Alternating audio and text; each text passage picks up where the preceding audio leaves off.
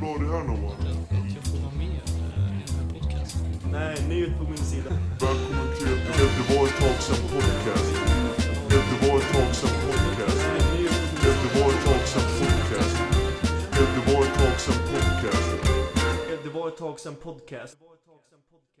Alright, välkomna till Det var ett tag sedan podcast. En podcast med mig Sebastian Adegren. Och idag så har jag en väldigt speciell gäst med mig och det är... Andreas. Kul att ha dig här Andreas. Hej.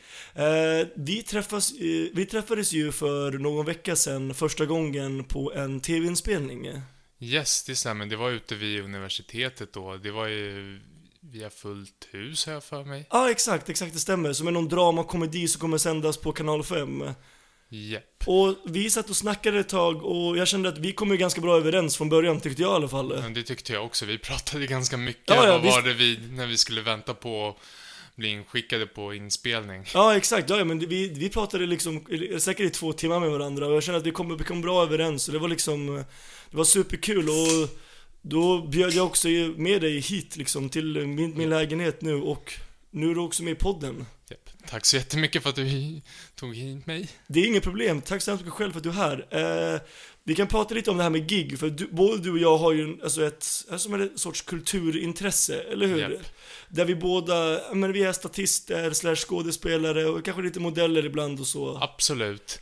Det har ju vi gemensamt som intresse. Ja, exakt. Och för att vi båda två jobbar ju. Jag jobbar ju med IT och du jobbar med... Jag jobbar som eh, lärarvikarie Ah. på deltid då. I- Nu pluggar jag även också på deltid, så jag ska börja från och med nästa vecka. Ja, just det. ska bli, är du taggad för det? Faktiskt så är jag det. Jag Ah. tycker det ska bli skönt att faktiskt komma till föreläsningssalarna och bara, bara kötta. Ja, känner du att det är skönt att få lite rutin också? Ja, det, definitivt så känns det väldigt skönt att få ru- rutin. När man jobbar som statist, eller statist, skådespelare, modell, då är man så himla beroende liksom av kontakter och Mm. man får liksom vänta på samtal liksom hela tiden och, och liksom vetskapen att inte ha någon tydlig struktur i ens liv. Ja, det Det kan är vara väl- lite jobbigt. Ja, det är väldigt mentalt fr- påfrestande. Och Mm. även när, som, som lärarvikarie så är det samma schema också. Ja, exakt. Du har dubbelt upp. Det är både för att du måste vänta på samtal ifrån liksom gig och så måste du också vänta på samtal ifrån jobb. Japp. Ja. Från företag jag jobbar för. Så då, ibland så kan man, vet man ju inte om att kanske den här veckan har jag ingenting inbokat. Så då sitter man ju liksom är lite orolig hela veckan fram tills Ja. att det ringer. Ja, jag har ju berättat det för företaget jag jobbar för och de har ju försöker ju nu så ofta som möjligt när de hittar ett jobb som passar Ja. min profil att ringa så fort som möjligt, oftast dagen efter. För att jag börjar liksom inte tröttna på det skulle jag vilja Nej. säga definitivt, men det börjar kännas lite påfrestande. Man börjar liksom hitta andra sätt för att liksom kunna få pengar om det inte skulle, om man inte skulle få det liksom för stunden. Ja, man, man får ju hitta sätt på att vara liksom produktiv. Får man inget jobb för dagen så får man plugga istället. Ja, ja, ja. Något produktivt måste man ju göra. Man vill inte bara sitta ner och inte göra någonting. För liksom, pengar kan man få tillbaka Mm. när som helst, men tiden kan man aldrig få tillbaka. Det var någonting helst. som du sa när vi spelade in den här eh, eh, tv-serien och det var Japp. någonting som jag också fångades av, för det är väldigt sant. För det, när man jobbar som statist och sånt här, det är ju väldigt många timmar. Om vi, vi säger vi sätter inbokade åtta timmar, då kan det ju vara så att fyra timmar av dem är bara att sitta och Ja. inte göra någonting. Yes. Och där handlar det om att man ska liksom ta vara på den tiden. Och det är väldigt viktigt. Eh, Men senast vi sågs, det var ju, var det förra veckan? Det var förra veckan. Var det på måndagen och tisdagen, eller hur? Jag tror det var måndagen och tisdagen. Måndagen så mm, fick ju både du och jag spela, men i tisdag så var det tror jag bara du. Ja, just det, just det. Och jag, sen, och, sen rest, och sen var det några till. Resten av halvan, vilket jag ingick med, mm. vi behövdes inte alls. Men ni fick betalt, eller hur? Vi fick betalt ändå, men det är fortfarande tid som gick till spillo. Ja, ja, ja, Så absolut. man kunde ha gjort någonting produktivt och vad jag gjorde under den stunden, det var att jag faktiskt nu blir det lite försprång vad, vad det kommer för tema sen då, men, Ja. jag, jag studerade kanji, alltså kinesiska tecken, Ja, ja. under tiden. Jag satt och skrev och övade på min skrivförmåga och även min minnelseförmåga. Ja, exakt. Ja, men det, ja, exakt. Det är lite det vi ska prata om senare. Eh, och det är skitbra också att man tar vara på den tiden man har. Alltså, så här, för det kan vara som sagt jättemånga timmar där vi inte gör någonting överhuvudtaget. Och det kan vara väldigt tråkigt. Men Ja. vad har du haft? Har du haft några mer gig utöver måndag, tisdagen? Ja, det har jag haft. Jag hade faktiskt ett gig idag och jag kommer ha några fler gig Ja. inför nästa vecka och sen under höstlovet faktiskt. Jag kommer Ah. ha två stycken också då. Men hur många gig hade du nästa vecka? Totalt, nästa vecka så är det ett än så länge. Mm. Det kanske blir fler. Ja, exakt. Men, De kan ju ringa. precis, någon kan ju ringa när som helst. Men det som är inbokat och det jag har skrivit avtal för, det är ungefär ett, ja det är för de som jag nämnde. Det är ett för den nästa vecka som kommer. Ja. Och sen är det två, två till som är inför höstlovet. Som med andra ord tre stycken. Jag kanske räknar lite fel, jag sa fyra kanske Ja, innan. ja, exakt. Men det är skitbra ju. Alltså det är skönt också att man har det lite planerat i förväg, eller hur? Så man vet typ vad man ska göra liksom Ja. kommande veckorna. Ja, det gör som att kulan man får i magen som gör en mentalt frustrerad blir mindre. Ja, exakt. Det släpper lite. Lite den här oron och nervositeten, den försvinner liksom. Ja, och vet liksom, nu har jag det här. Mm. Nu kan jag inte bara ta ett jobb hur som helst. Nu måste jag prioritera det här. Ja, nej men exakt. Men jag har också giggat lite på senaste tiden. Jag har giggat ganska mycket faktiskt. Alltså det har varit väldigt mycket nu på, alltså senaste, sen, sen vi sågs. Precis, du berättade för mig att du hade två gig Ja, precis innan vi började podcasten. Ja, ja, ja. Idag liksom på torsdagen så hade jag, eh, så hade jag eh, ett på morgonen, för som var en timme, där det gick på, jag fick tusen kronor. Och sen så åkte jag till mitt vanliga jobb, jobbade en hel dag. Och sen efter det så jobbade jag, jag hade ett till gig och då var också bara en timme och det var också tusen kronor. Japp. Det är väldigt kul när det blir så, när det blir så här um, att man gör ett gig som bara är någon timme och man får så ganska Ja. mycket pengar för det också. Ja, för då blir det ju nästan som 500 till, till 1000 kronor i timmen. Jag har haft likadana gig som du har haft. Ja. Och det är, så jag antar nästan att man kan nästan, man kan nästan förutspå när någon bara säger ar, arvodet de får och antal inspelningstider, vilken form av Ja. inspelning det är. Ja, ja, ja, ja det, exakt. så jag antar nästan att det är en form av, att det var reklamfilmer. Det var reklam. Riktigt bra gissat faktiskt. Det var faktiskt två reklamer. Ja. Så att, för det, men det brukar ju vara så, för reklamfilmer brukar ju vara, de tenderar att vara mycket mer effektiva. Man har kortare tid att spela in och det är... Större budget. Exakt. Och vilket innebär att man får mer betalt. Ja, för att många av de här giggen som vi har gjort tidigare, som både du och jag har gjort, det har varit liksom till exempel tv-serier, det har varit långfilmer. Även om de skulle faktiskt kunna betala oss mer, Mm. så, har de så gör de oftast inte det för Nej. att de vill spara på pengar. Och det är ju någonting som många TV-serier har faktiskt kritiserats för. Mm. Både på tidningar och även på internetmedia i överlag. Det är liksom det som många statistjobb får. Alltså många de som anställer statister får väldigt mycket skit för. Ja, exakt. De får kritik för det. För att det kan ju vara så att, alltså det låter inte som att det är så jobbigt att vara åtta timmar på en inspelningsplats, men det är jobbigare än vad man tror. Ja. För det är omtagningar på omtagningar på omtagningar. Alltså vi kan ju ta 20-30 omtagningar på samma scen. Ja. Och man kan jobba kanske 8-10 timmar och bara få 400 Ja. kanske eller 500 kronor. Det är ganska, alltså det, är, det är bra pengar, Japp. alltså det är okej pengar ändå. Ja, Men sen när man tänker på de här giggen man har haft, där man bara har haft en timme och fått dubbelt så mycket. ja. Då, Man börjar värdesätta sin tid ja, på ett verkligen. helt annat sätt än vad man, vad man gjorde tidigare. Ja, Men, man, men om man vill verkligen satsa på en skådespelarkarriär, så, eller, statist, eller som statist, mm, skådespelare, modell, så skulle jag bara rekommendera var inte rädd att ta för sig ändå. mm. Liksom, var aktiv. Sök, sök. Var inte rädd liksom Nej. för det. Och det bästa som jag tror ändå skulle hända ändå, det var ju liksom i så fall som jag hamnade in i det, för jag halkade lite in i det som ban- på ett bananskal. Ja. ja du, kan- du får gärna berätta hur du började. Det jag började faktiskt med det som, jag tror jag var tio Ja. när jag var det. Och det var ju för att min granne som bor nedanför mig just då, Mm. Hon var redaktör för TV4. Oj! Och då mm, var hon med i en produktion, jag vet inte om många som kanske är noll, nollor och nollettor och nolltvåor. Ja. Och sen efter det kanske känner igen den. Men vi 90-talister f- kanske förmodligen känner igen den. Men Siv och Viv hette det ja, programmet. Ja, Och det var ju det som sändes via Lattjo ja, ja absolut. Och det var, hon var en av de ansvariga för den produktionen. Mm. Och de spelade in inte långt bort från där jag bodde. Ja. Och då behövde de statister. Fan vad kul. Så de bara tog med mig ned och det var ju typ knappt fem, det var inte ens fem minuter från där jag bodde. Ja, ah, shit, det är ju måste vara det det är ju det mest optimala giget någonsin. Fem minuter från ens dörr. Men då, då fick jag inget betalt för det, jag fick bara vara nöjd att jag fick vara med. Ja, ja, och erfarenheten. Precis, men jag, som jag kommer ihåg av den scenen så, det var inte så him, himla långt här för mig, det var knappt en timme. Ja. Kommer du ihåg vad det var för sorts utav, eh, vad det var för typ utav scen? Ja, scenen gick ut på att, som jag förstod, Siv och Viv hade hittat ett par skor. Och då skulle de, och det tillhörde ett barn då, då skulle de gå runt och prova på skor på olika barn som fanns i området. Och då visade det sig att jag var ett av de barnen som de skulle prova på. Ja, så då, då, då, Då satte de min fot, jag fick ju min fot där framme. ja. Och så tog, tar de av min sko och så sätter de på den. Jag kommer ihåg, min lillebror var ju även med i den också Ah. då. Han blev ju till och med tillsagd att han skulle åka ner för en rutschkana. Ja. Så han kom ju med i, i bild också då. Så kom i, jag tror det var Viv som kom fram då, tar av hans sko, Mm. passar, tar den som de hade hittat. Ja. När de märker att det inte passar så sätter de tillbaka den.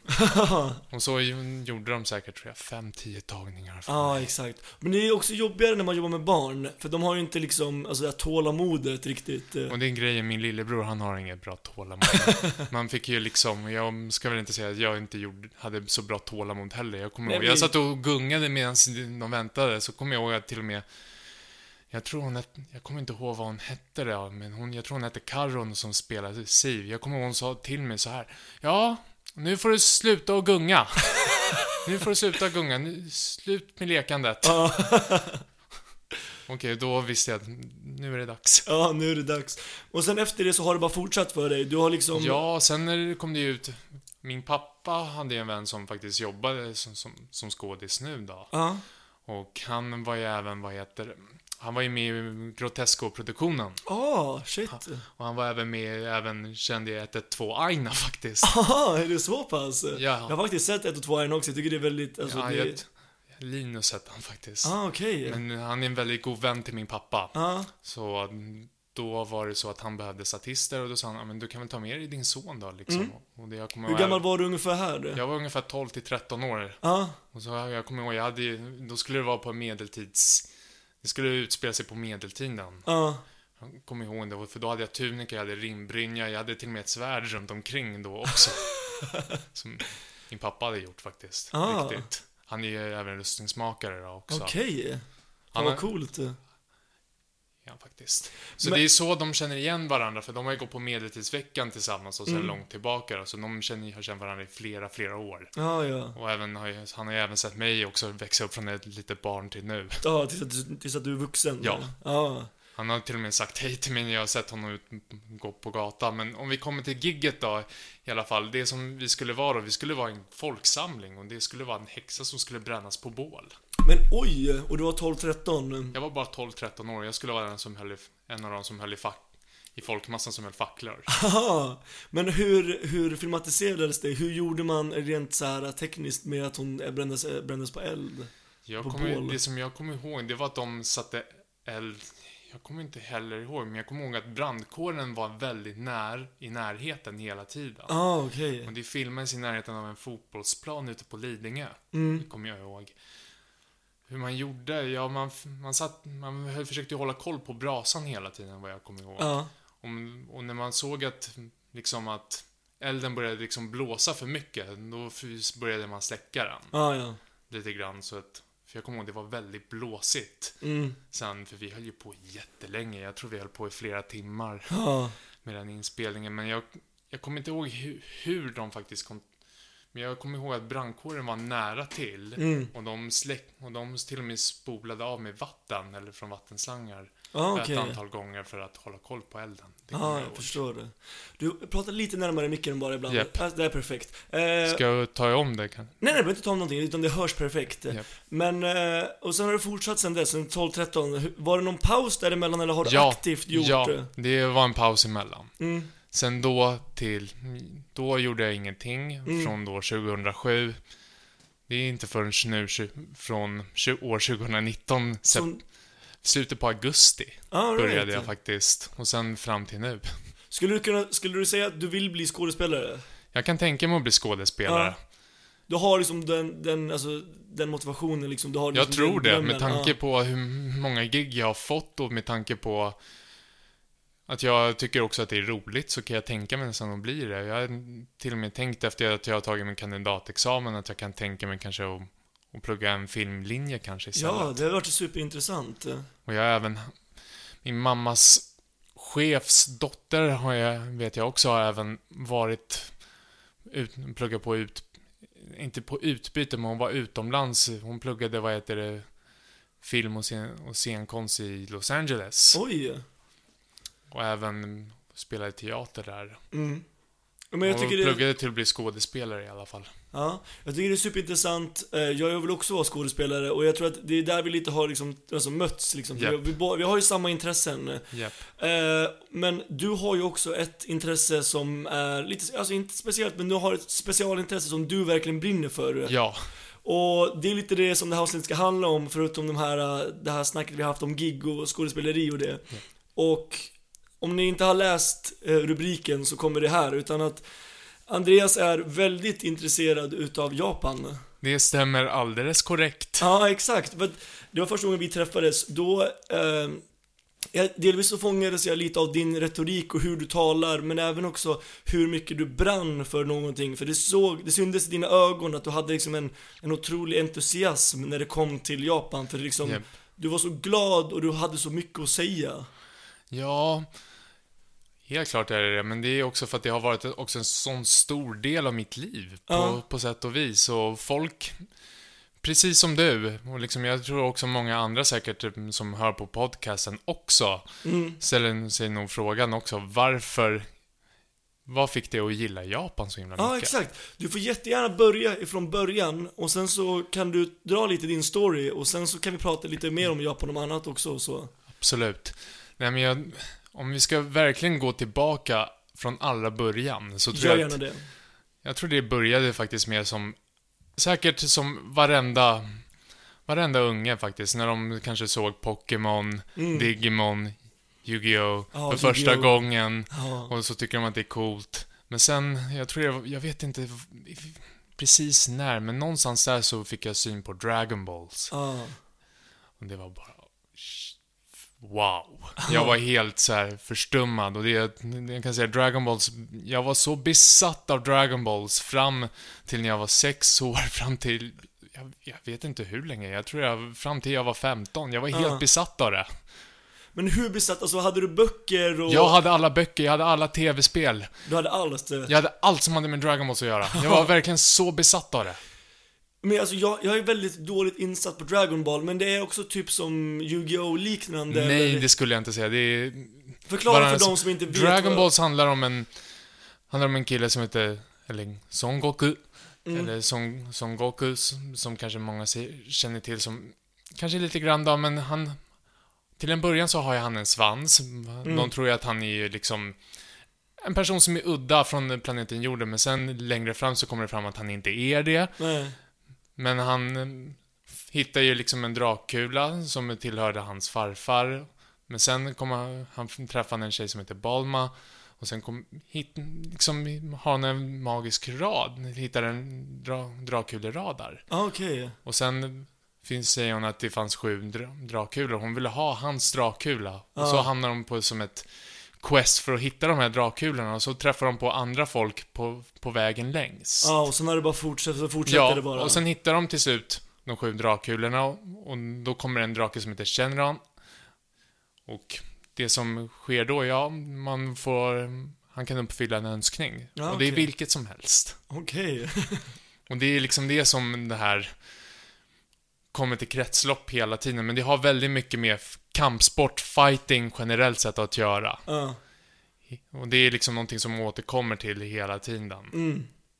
Så det, det började med Dragon Ball, det var Ja. liksom ditt största intresse, det var liksom där det började. Ja. Från, från sex år tills du ungefär var 15. Ja, jag skulle säga det. Som jag kommer ihåg det så var Dragon Ball en väldigt stor del av mitt liv. Visst läste jag andra manga och jag kollade på andra anime också. Mm. Men Dragon Ball var, tror jag var den som tog, hade mest Det var den som du fastnade för. Jag fastnade mycket för och jag Ja. kan säga även till ännu idag så sitter det fortfarande mycket kvar i mig. Ja, ja, men det märks också. Du kan ju alla liksom namn och allting sånt. eh. Jag skulle säkert kunna nämna upp fler då, men bara så att folk får en liksom kort, och klar uppfattning på ett ungefär vad det handlar om, Ja. så, utan att gå för mycket detaljer. Nej, men exakt.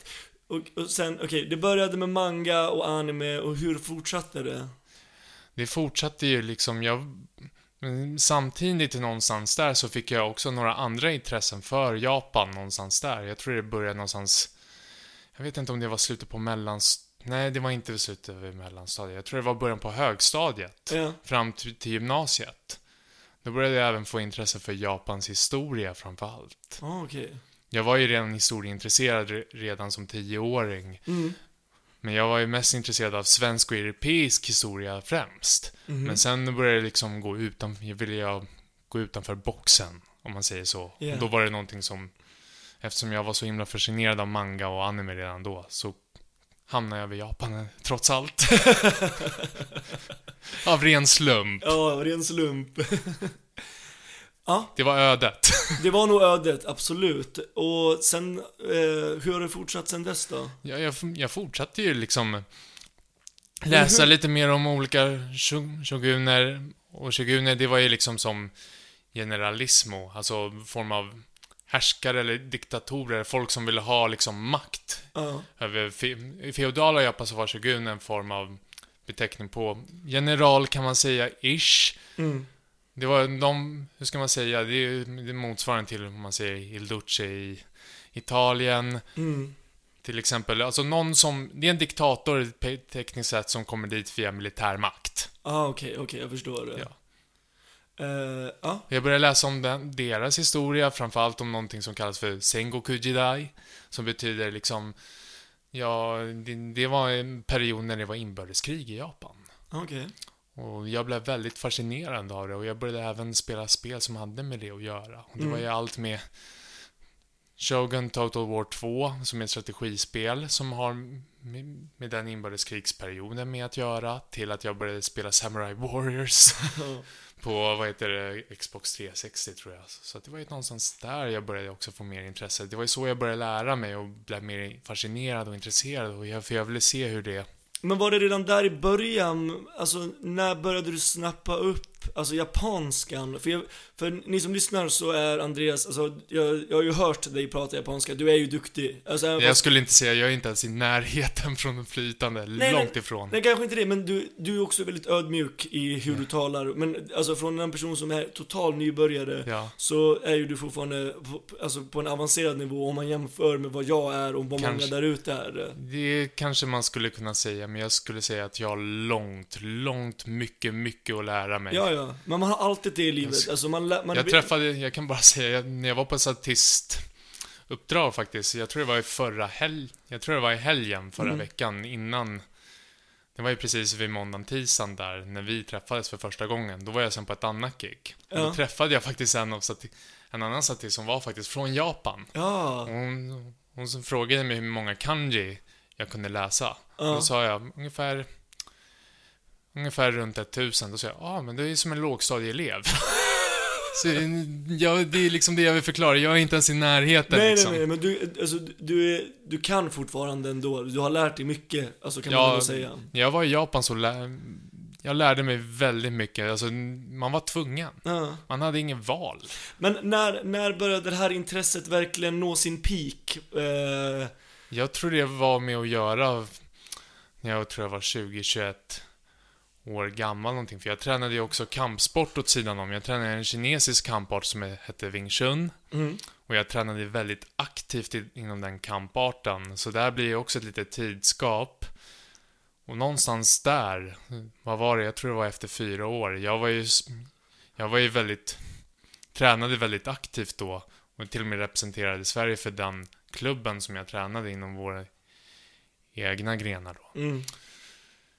Men någonstans där så kände jag att jag vill faktiskt, nu vill jag ta ett tag med det här. Jag orkar inte vänta längre. Nej, utan det här är någonting som du känner, det här brinner du för. ja, jag kände att du. det här var någonting jag faktiskt ville. Men de, sen fick jag höra från mina föräldrar, vänner, ja, men du är så ung, du har ju all tid i världen. Ja. Då jag, men nej!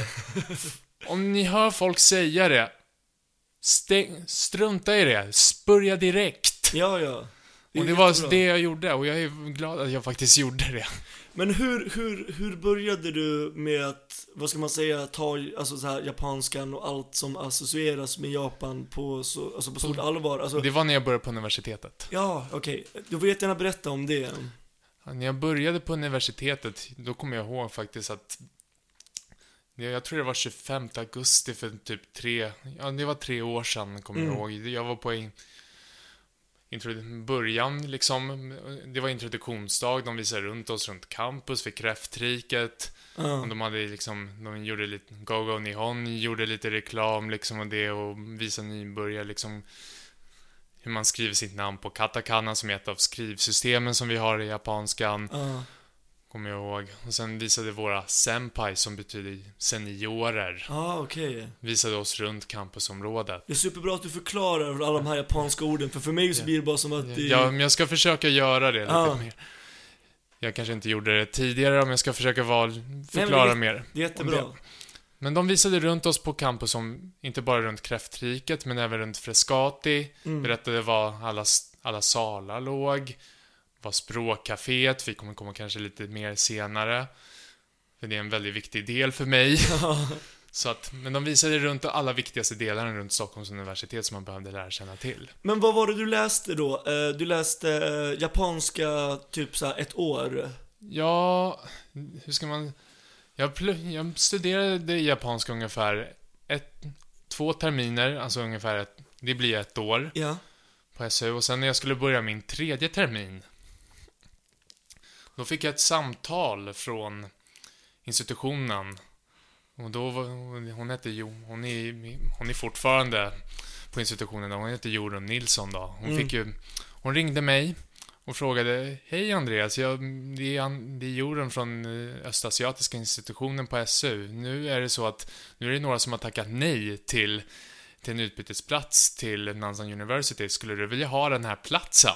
Oj. Och det var liksom, ja det, det var liksom, du måste säga ja eller nej nu, annars så går den vidare. Så det var bara ja.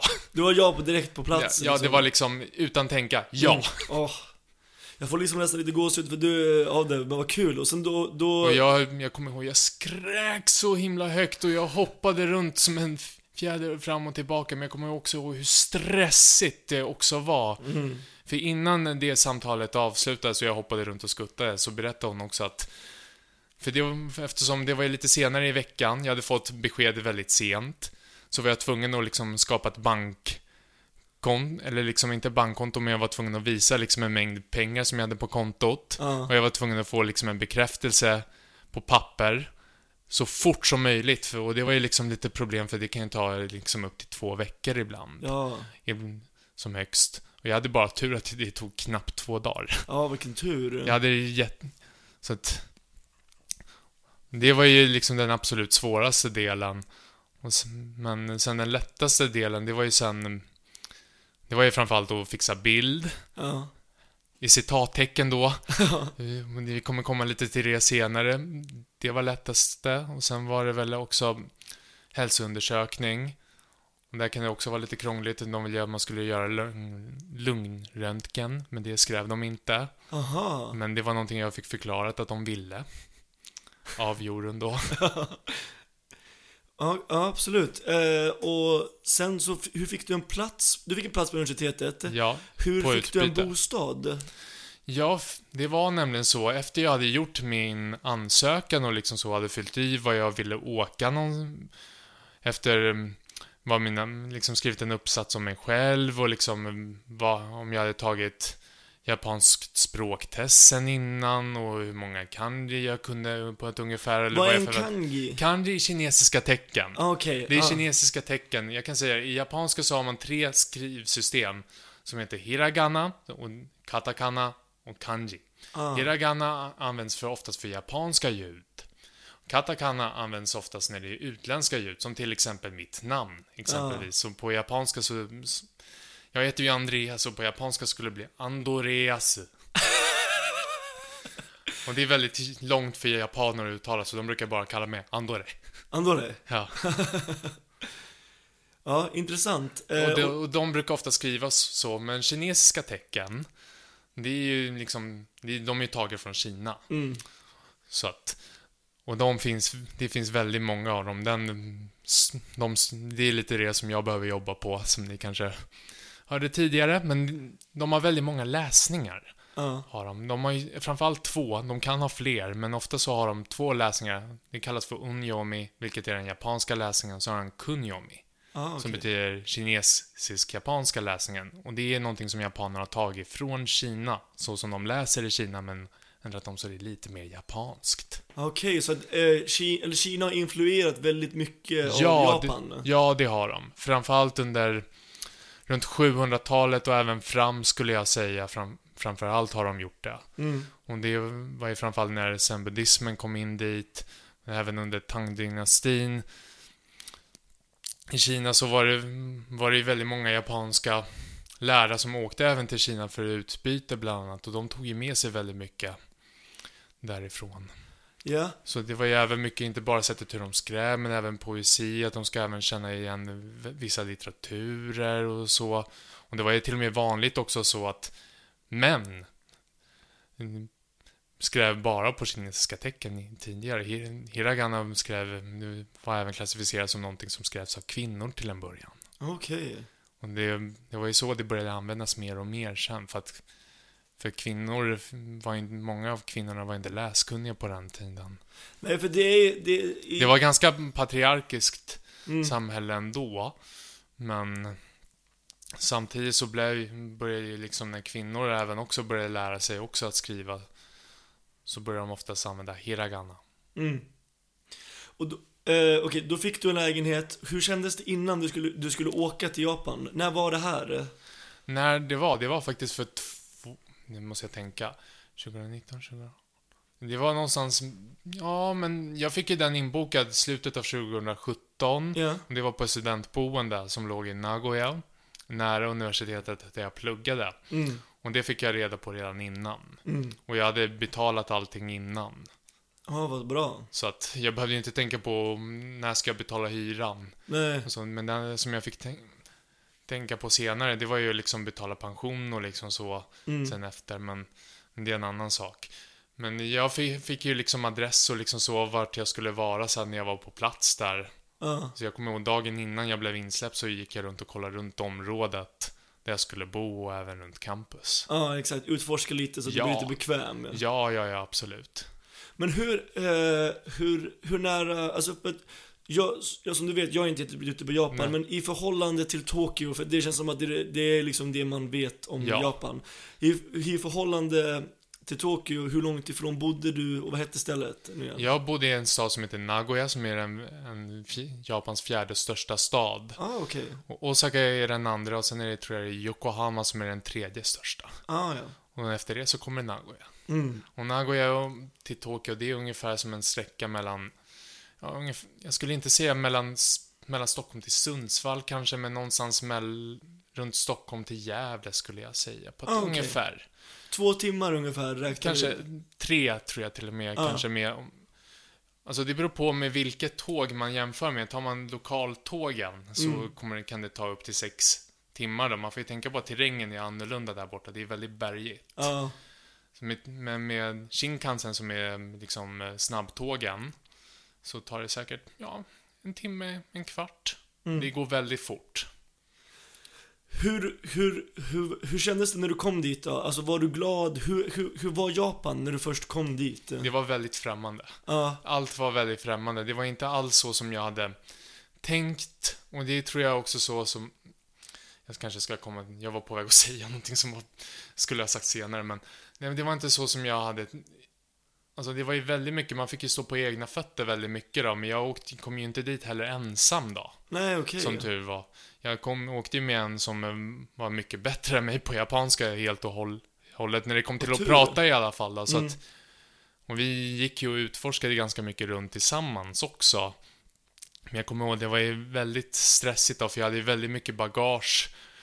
Och när jag skulle till hotellet som jag bodde tillfälligt innan jag fick min bostad så fanns det ingen Det fanns ingen rulltrappa. Jag hade två bagage och jag hade lyckats binda fast dem på något kusigt sätt. Och, de, och det bandet åkte ju av hela tiden, så väskan åkte av och jag var ju svettig och jag var trött, jag ville bara in. Ja, jag förstår. Det var väldigt slitsamt, kommer jag ihåg idag. Men om, när det kom till kulturer så var det liksom, man märker ju liksom att man är annorlunda. Mm. Man är annorlunda att, liksom går man bredvid gatan så kan man märka liksom att folk kanske går lite åt sidan åt den. Det är så men- pass? Ja, det skulle jag säga. Framförallt åker du på tunnelbanan där borta så märker man att din sida där du sitter är helt tom. Och den andra sidan kan vara helt full. Det är helt otroligt egentligen. Och det var någonting man fick, jag fick ta emot i typ, leva med i typ 5-6 månader. Ja. Hur länge var du i Japan? Jag var där runt, någonstans mellan 5 mellan 5 till 6 månader runt. Ja. Jag var där lite längre än vad jag skulle vara för att jag ville få lite mer tid. Ja, jag förstår. Jag kom till och med en vecka innan skolan började och jag åkte hem två veckor efter. Snyggt. Men vad läste du på universitetet i Nagoya? I Nagoya så studerade jag japanska såklart. Ja. Både skrift och läsa. Japp. Skrift, läsa, hör och tal. Mm. Och sen var, det ju, vad heter det, något som kallas shodo. Shodo är kalligrafi. Och det, det. och det var väldigt avslappnande faktiskt. Och sen, bort, och sen efter det så var, studerade jag faktiskt japansk politik. Och det, den var, det var den enda lektionen jag hade som var på engelska. Ja, ja, re- resterande var bara på japanska. Japp. Hur var det som, eh, som relativt ny i Japan att liksom varenda lektion jag förmodar att allting är på japanska, alltså var det svårt att ta sig fram, var det svårt att förstå och allting? Till en början så var det ju det då. Till, lärarnas tillmötesgångssätt till eleverna är liksom så annorlunda från det till Sverige liksom. Om man jämför till, jag jobbar ju som lärarvikarie exempelvis och många liksom barn som jag har haft, de liksom bara räcker upp handen och säger någonting mitt liksom när någon annan ska göra det och liksom mitt i mun. Hade man gjort det där borta, då hade, jag vet inte vad som hade hänt. Det hade, Ja. det hade varit helt oacceptabelt. Men nu är det på universitet då, som sagt då, men även där borta så kommer jag ihåg att ja, men den läraren jag hade var väldigt sträng, för ibland så kunde jag liksom säga bara något enkelt ord och då kunde hon, eller råka säga svaret Ja, fast någon annan skulle göra det. Jag hade ju liksom pluggat en del innan också då, så att du var väl förberedd. Ja, ja, alltså väl förberedd skulle jag väl inte säga. Jag skulle... Ja, det skulle man kunna säga till en viss del att, att jag var. Så jag Mm. visste ju vad som skulle komma. Mm. Men då kunde hon liksom fråga Andreas. Eller hon sa inte ens Andreas, kommer jag ihåg. Hon Andra? sa, hon, de, de, nej, nej, absolut inte. Hon sa och tilltalade med mitt efternamn. Okej. Och så, och så, och så hon frågade mig, Suten Storomusan, där är Niktan deska? Herr Stenström, Mm. frågade jag dig? Vem frågade jag? Frågade jag dig? Nej. Fattar du? Ja. Det är väldigt strikt, alltså så här. äh, Och det är väldigt hierark hierarkiskt i Japan, eller hur? Och det är Ja. väldigt så här, man är väldigt Alltså man ska vara väldigt vänlig och man ska tala på ett, på ett speciellt sätt Ja, ja, ja. Och mycket respekt Ja, man, det var ju någonting, ja, det var ju någonting man fick ju anpassa sig väldigt mycket. Jag kommer ihåg min klasskamrat fick ju mycket själv för att han pratade väldigt mycket på som, på ett sätt som japaner gör när de är med varandra. Ja. Kanske som du och jag, på ett sätt som du och jag exempelvis pratar svenska på varandra. Ja, Men hade det varit en lärare och vi pratade, kanske hade pratat så hade vi kanske varit lite mer hövligare kanske. ja, Och det kan, var inte han så särskilt bra på. och så han fick ju mycket skäll för det. mm, Han fick ju mycket själv att man skulle liksom använda Ja, konjunktionsformen, alltså, böja den till mer hö- trevlig och hövlig form. ja, jag förstår det Och använda mer, hö- liksom, någonting som kallas för keigo. Och det är, är typ hövligt och ödmjukt språk. Ja, okej Om man tilltalar specifikt lärare eller folk som har någon sorts auktoritet och kanske Ja. äldre människor med Ja. på det sättet äh. Ja, även liksom mot seniorer också, Mm, i princip. jag förstår äh, Och Och, då man tilltalar man oftast liksom med till exempel Komada sensei eller liksom Andorias senpai eller kanske Någonting i den stilen, men ofta så tilltalar man oftast kanske med sensei, som betyder lärare. Ja.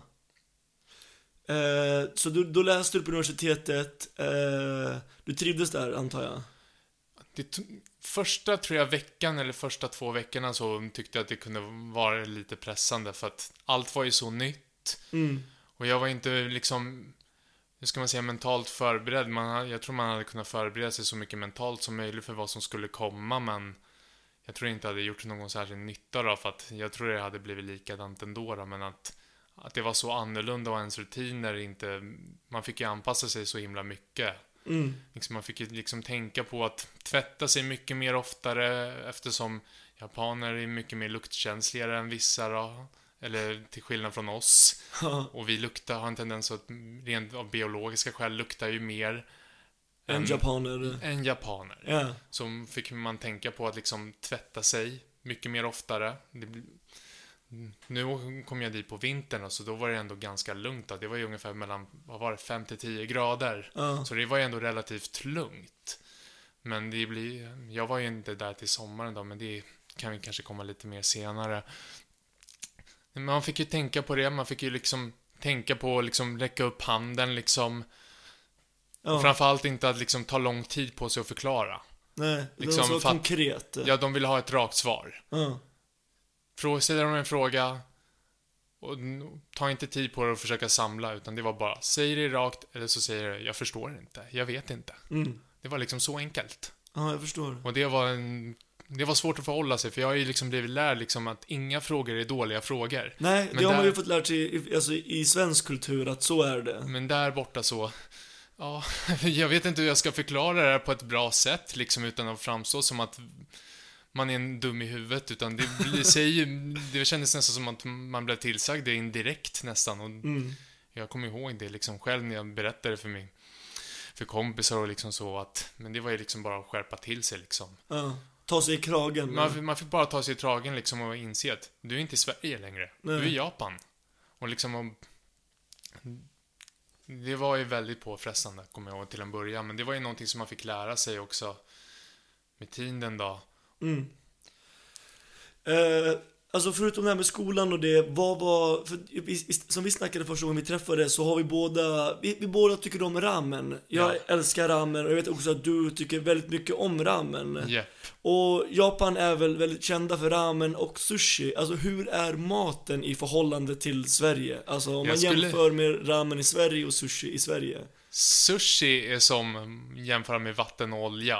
Om man tänker till Sverige. Alltså, det ser likadant ut, men det smakar... Ursäkta svordomen, det smakar skit.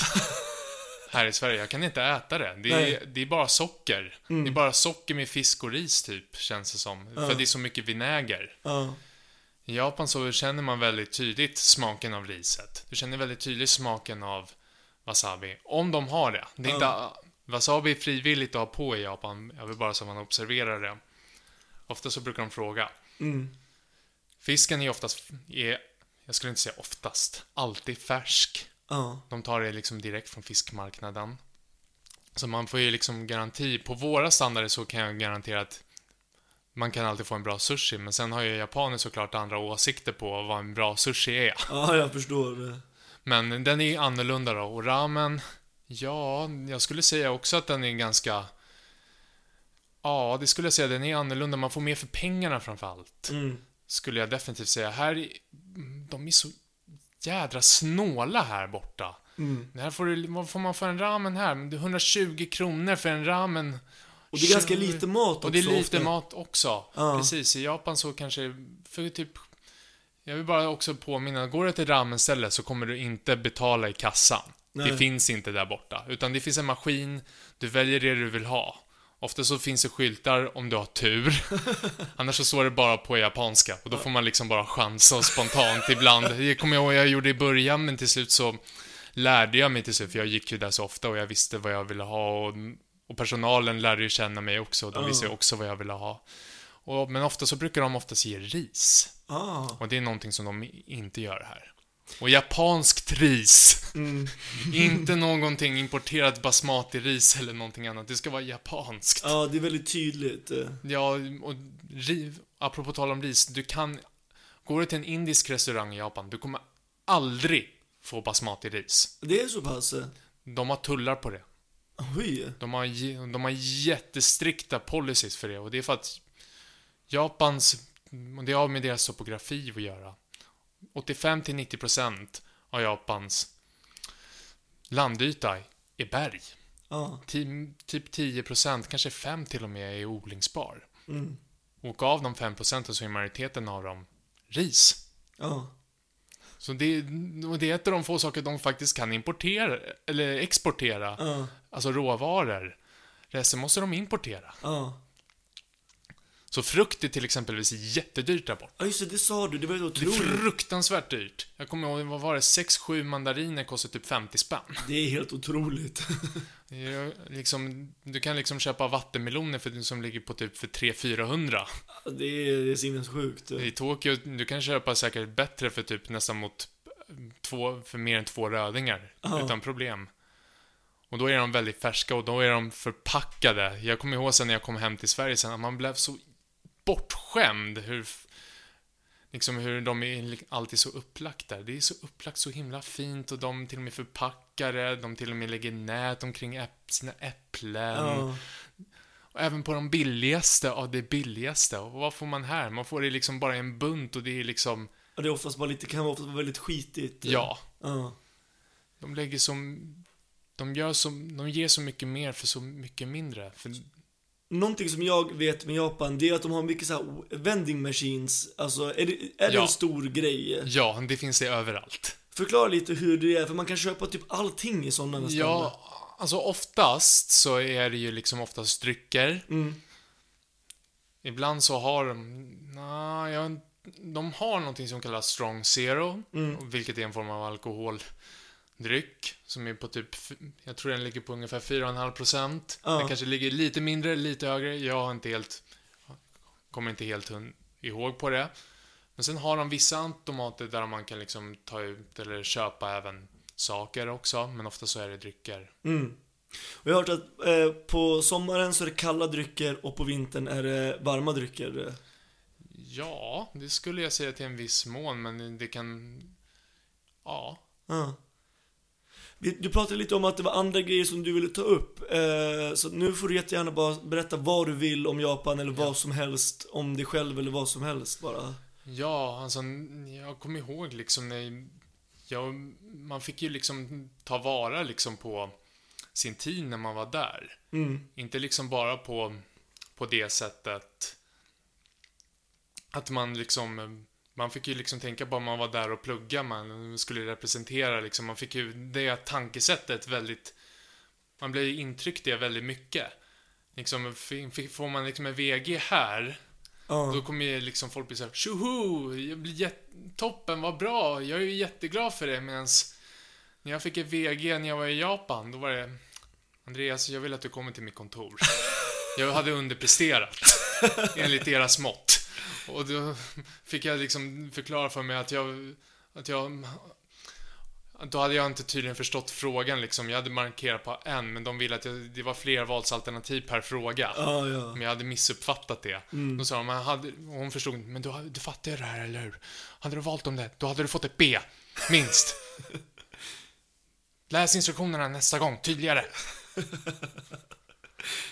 Det var ju liksom verk... Liksom underprestera för, för att man fick... Liksom för att se, jag har aldrig fått det här. Nej. Aldrig. Det är helt otroligt, så det är väldigt så här, de är det- väldigt alltså, så här Man, strikta. man, ja, man, ja, det skulle jag säga. De har helt andra förväntningar också på... Mm. Och det är ofta som, i Japan så har de oftast en tendens också vid, för de har ju liksom inte samma system också som, som vi, för vi tar ju oftast in på betyg. Om vi vill hamna in på ett universitet, jag kan bara säga för ett universitet, men när det kommer till Japan så har de inte det. Nej. De har något som kallas inträdesprov.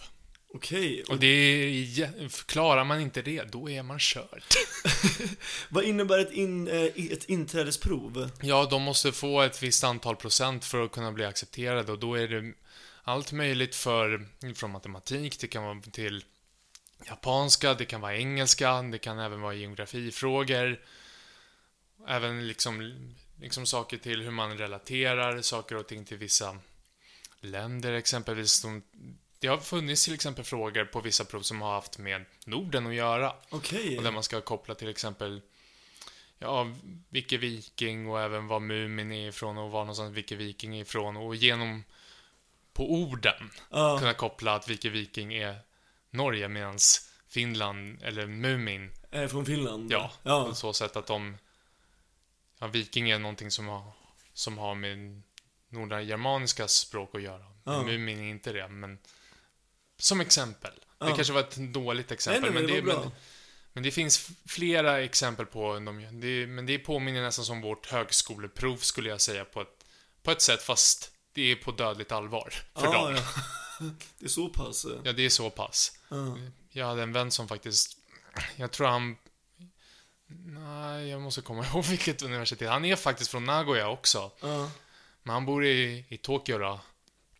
Han pluggar var i Meiji Daigaku. Eller Meiji University. Mm. Och det ligger i Tokyo också. Mm. Han berättade för mig liksom att, att det är superviktigt att klara av inträdesproven. För annars så, eller liksom att man gör Även, inte bara inträdesproven, men även liksom vid arbetet. Jag kanske kan komma med det sen, att det är väldigt viktigt. Mm. För annars så, man får liksom ingen andra chans liksom direkt på samma... Det finns liksom inte en andra chans på samma sätt. Nej. För där får ju, man, måste man även betala för inträde och liksom så. Det kan ju vara väldigt mycket pengar Ja. dessutom. Man, de lägger väldigt mycket pengar, tid och energi där borta för att klara inträdes... Bara inträdesproven, men även också pluggandet i Ja. sig då, men men apropå tal om pluggande, är det någonting som jag även märkt med japanska elever, särskilt på universitetet. På gymnasiet så är de väldigt studiemotiverade, eller studiemotiverade, de, de pluggar mycket. Ja. Men på universitetet så är de, de är ganska lata av sig på ett sätt. Så, oh shit. De, är, de tar det väldigt lugnt.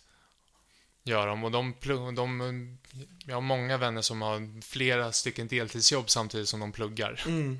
Men hur är arbetskulturen i Japan i förhållande till, eller jämförelse Oh. med Sverige? Vad jag har fått höra i alla fall så är det väldigt... Det är, det är som vatten och olja där med. Ja, det är så pass. Vi, alltså, Sverige framstås nästan som ett dagis, till Ja. skillnad från Japan på den. Det är väldigt strikt, du måste, det är klädeskoder, du får inte ha religiös, någon form av religiös klädsel, Mm. som slöja, alltså pärlband, kors. Ja. Du I vissa fall får du får inte ens ha skägg. Ja, det, de är så hårda. Och det håret, du får inte heller ha långt hår om du är kille, det ska vara på ett visst mått. Ja. Och det, och det måste vara en strikt klädsel, det ska vara kostym, oftast skjorta, slips. Och för kvinnor så ska det vara högklackat. Det är någonting som Japan har faktiskt fått mycket kritik för, för att de kräver att många kvinnor ska få, måste ha högklackat på jobbet. Ah, för att det är liksom i, i normen att de ska ha det. Ja. Jag tror det var till och med min Alltså, det var en professor som jag, eller min japanska lärare på SU som faktiskt pratade om det på TV4 faktiskt. Oj. Han pratade lite med dem om det, hur det har med att det är liksom ett växande problem där borta och de har ju demonstrerat om det nyligen. Mm. Men det, Eh, men, det är, men det är många strikta ko- koder. De måste ha även klänningar, även också, de måste ha hår, även måttet på håret. Men det är inte bara liksom det, du måste även vara i tid liksom och även Även om de har liksom samma arbetstider som här borta liksom, så är det många som tenderar att jobba övertid. För ja. att annars så anses, för går man hem tidigt så anses man som illojal mot Sina- företaget det- och sina egna. Det är otroligt. Och liksom, kommer man hem med tid så... Ja, kanske man kommer hem, ja... Herr Stenström kom hem med tid. Går det bra för honom? Kan man liksom, jag, jag tror det var när jag åkte på resan dit till Japan, jag var typ som 18-19-åring via guidad tur av en som heter Peter då, som han, det var då första gången han berättade det för mig. Folk som jobbade övertid. Mm. Liksom att hur viktigt det var liksom där borta. Inte bara liksom för... Inte bara liksom mot företagen, men även för sitt utseende liksom. Man vill inte tappa ansiktet. Nej. För andra. Mm. Det är liksom hur folk ser på en. De ser en som lata eller liksom... Inte så produktiva av sig. Ja, Det är liksom ett annat förhållande sätt att se på saken då, till skillnad från här. Ja. Eh, är det någonting mer du vill tillägga? För annars tänkte jag att vi skulle gå in på en annan sak. Är det någonting mer du vill ta upp? Nej, jag känner mig ganska nöjd faktiskt Ja, jag- med det jag har tagit upp. Du har varit jätteduktig och det har varit otroligt eh, roligt att lyssna på. Jag tänkte att vi skulle, eh, för de som lyssnar, för jag vet att nu har vi hört väldigt mycket om Japan. Ja. Eh, skulle du inte kunna ge oss lite små grunder i kanske det japanska språket? Så lite så små grejer som man kanske kan ta med sig och lära sig. Absolut. Alltså det som man kan tänka på liksom i, i japanskan då, det är att språkets uppbyggnad är lite annorlunda. Jag skulle, om man ska ta det på ett sånt lätt sätt som möjligt så påminner det väldigt mycket som hur Yoda säger nästan på ett sätt. Ja. Liksom, hur ska man ta det på rätt sätt? Till exempel om man säger att man äter någonting. Säger man gohan och tabemas. Watashi ga gohan och tabemas. Det betyder jag. Ris. Eller ris jag äter. Ja, ja. Om man ska översätta det ordagrant, men watashi och sen ga, som är, det är partik, subjektspartikel. Mm. Eller topik, då använder man wa. Men det är ungefär samma betydelse. Mm. Det är bara kontextuellt som det, de kan ha lite annorlunda, men det är jag. Och, och sen är det ris, som är själva objektet, och då lägger man till en till partikel, och sen lägger man till ett verb för att äta. Ah, okej. Så det är ofta subjekt, objekt och sen verb. Kan vi inte ta någon mening? Eh, hur skulle man säga mitt namn på japanska? Och det heter Hai Sebastian Tomoshimas. Det är den hövligaste formen. Ah, okej, och då, och då, då- sa du? Jag heter Sebastian. Ah. Eh, ge mig några, ge mig kanske så här, men tre, fyra, fem stycken liksom så här vanliga, vanliga fraser man säger i Japan. Ja, ja det... Du kan säga till exempel, hej mitt namn är, jag bor och lite sånt. Ja, men absolut. Hai, watashi wa Andreas Tomoshimas. Sweden kara, mai, kara mairimashita. Ima ni Stockholm daigaku de ben, ben, nihongo o benkyou shite orimasu. Domo yoroshiku onegai itashimasu. Det var otroligt. Vad sa du? Hej, jag heter Andreas Stenström och jag är från Sverige och jag pluggar nu japanska på Stockholms universitet. Det är trevligt att träffas.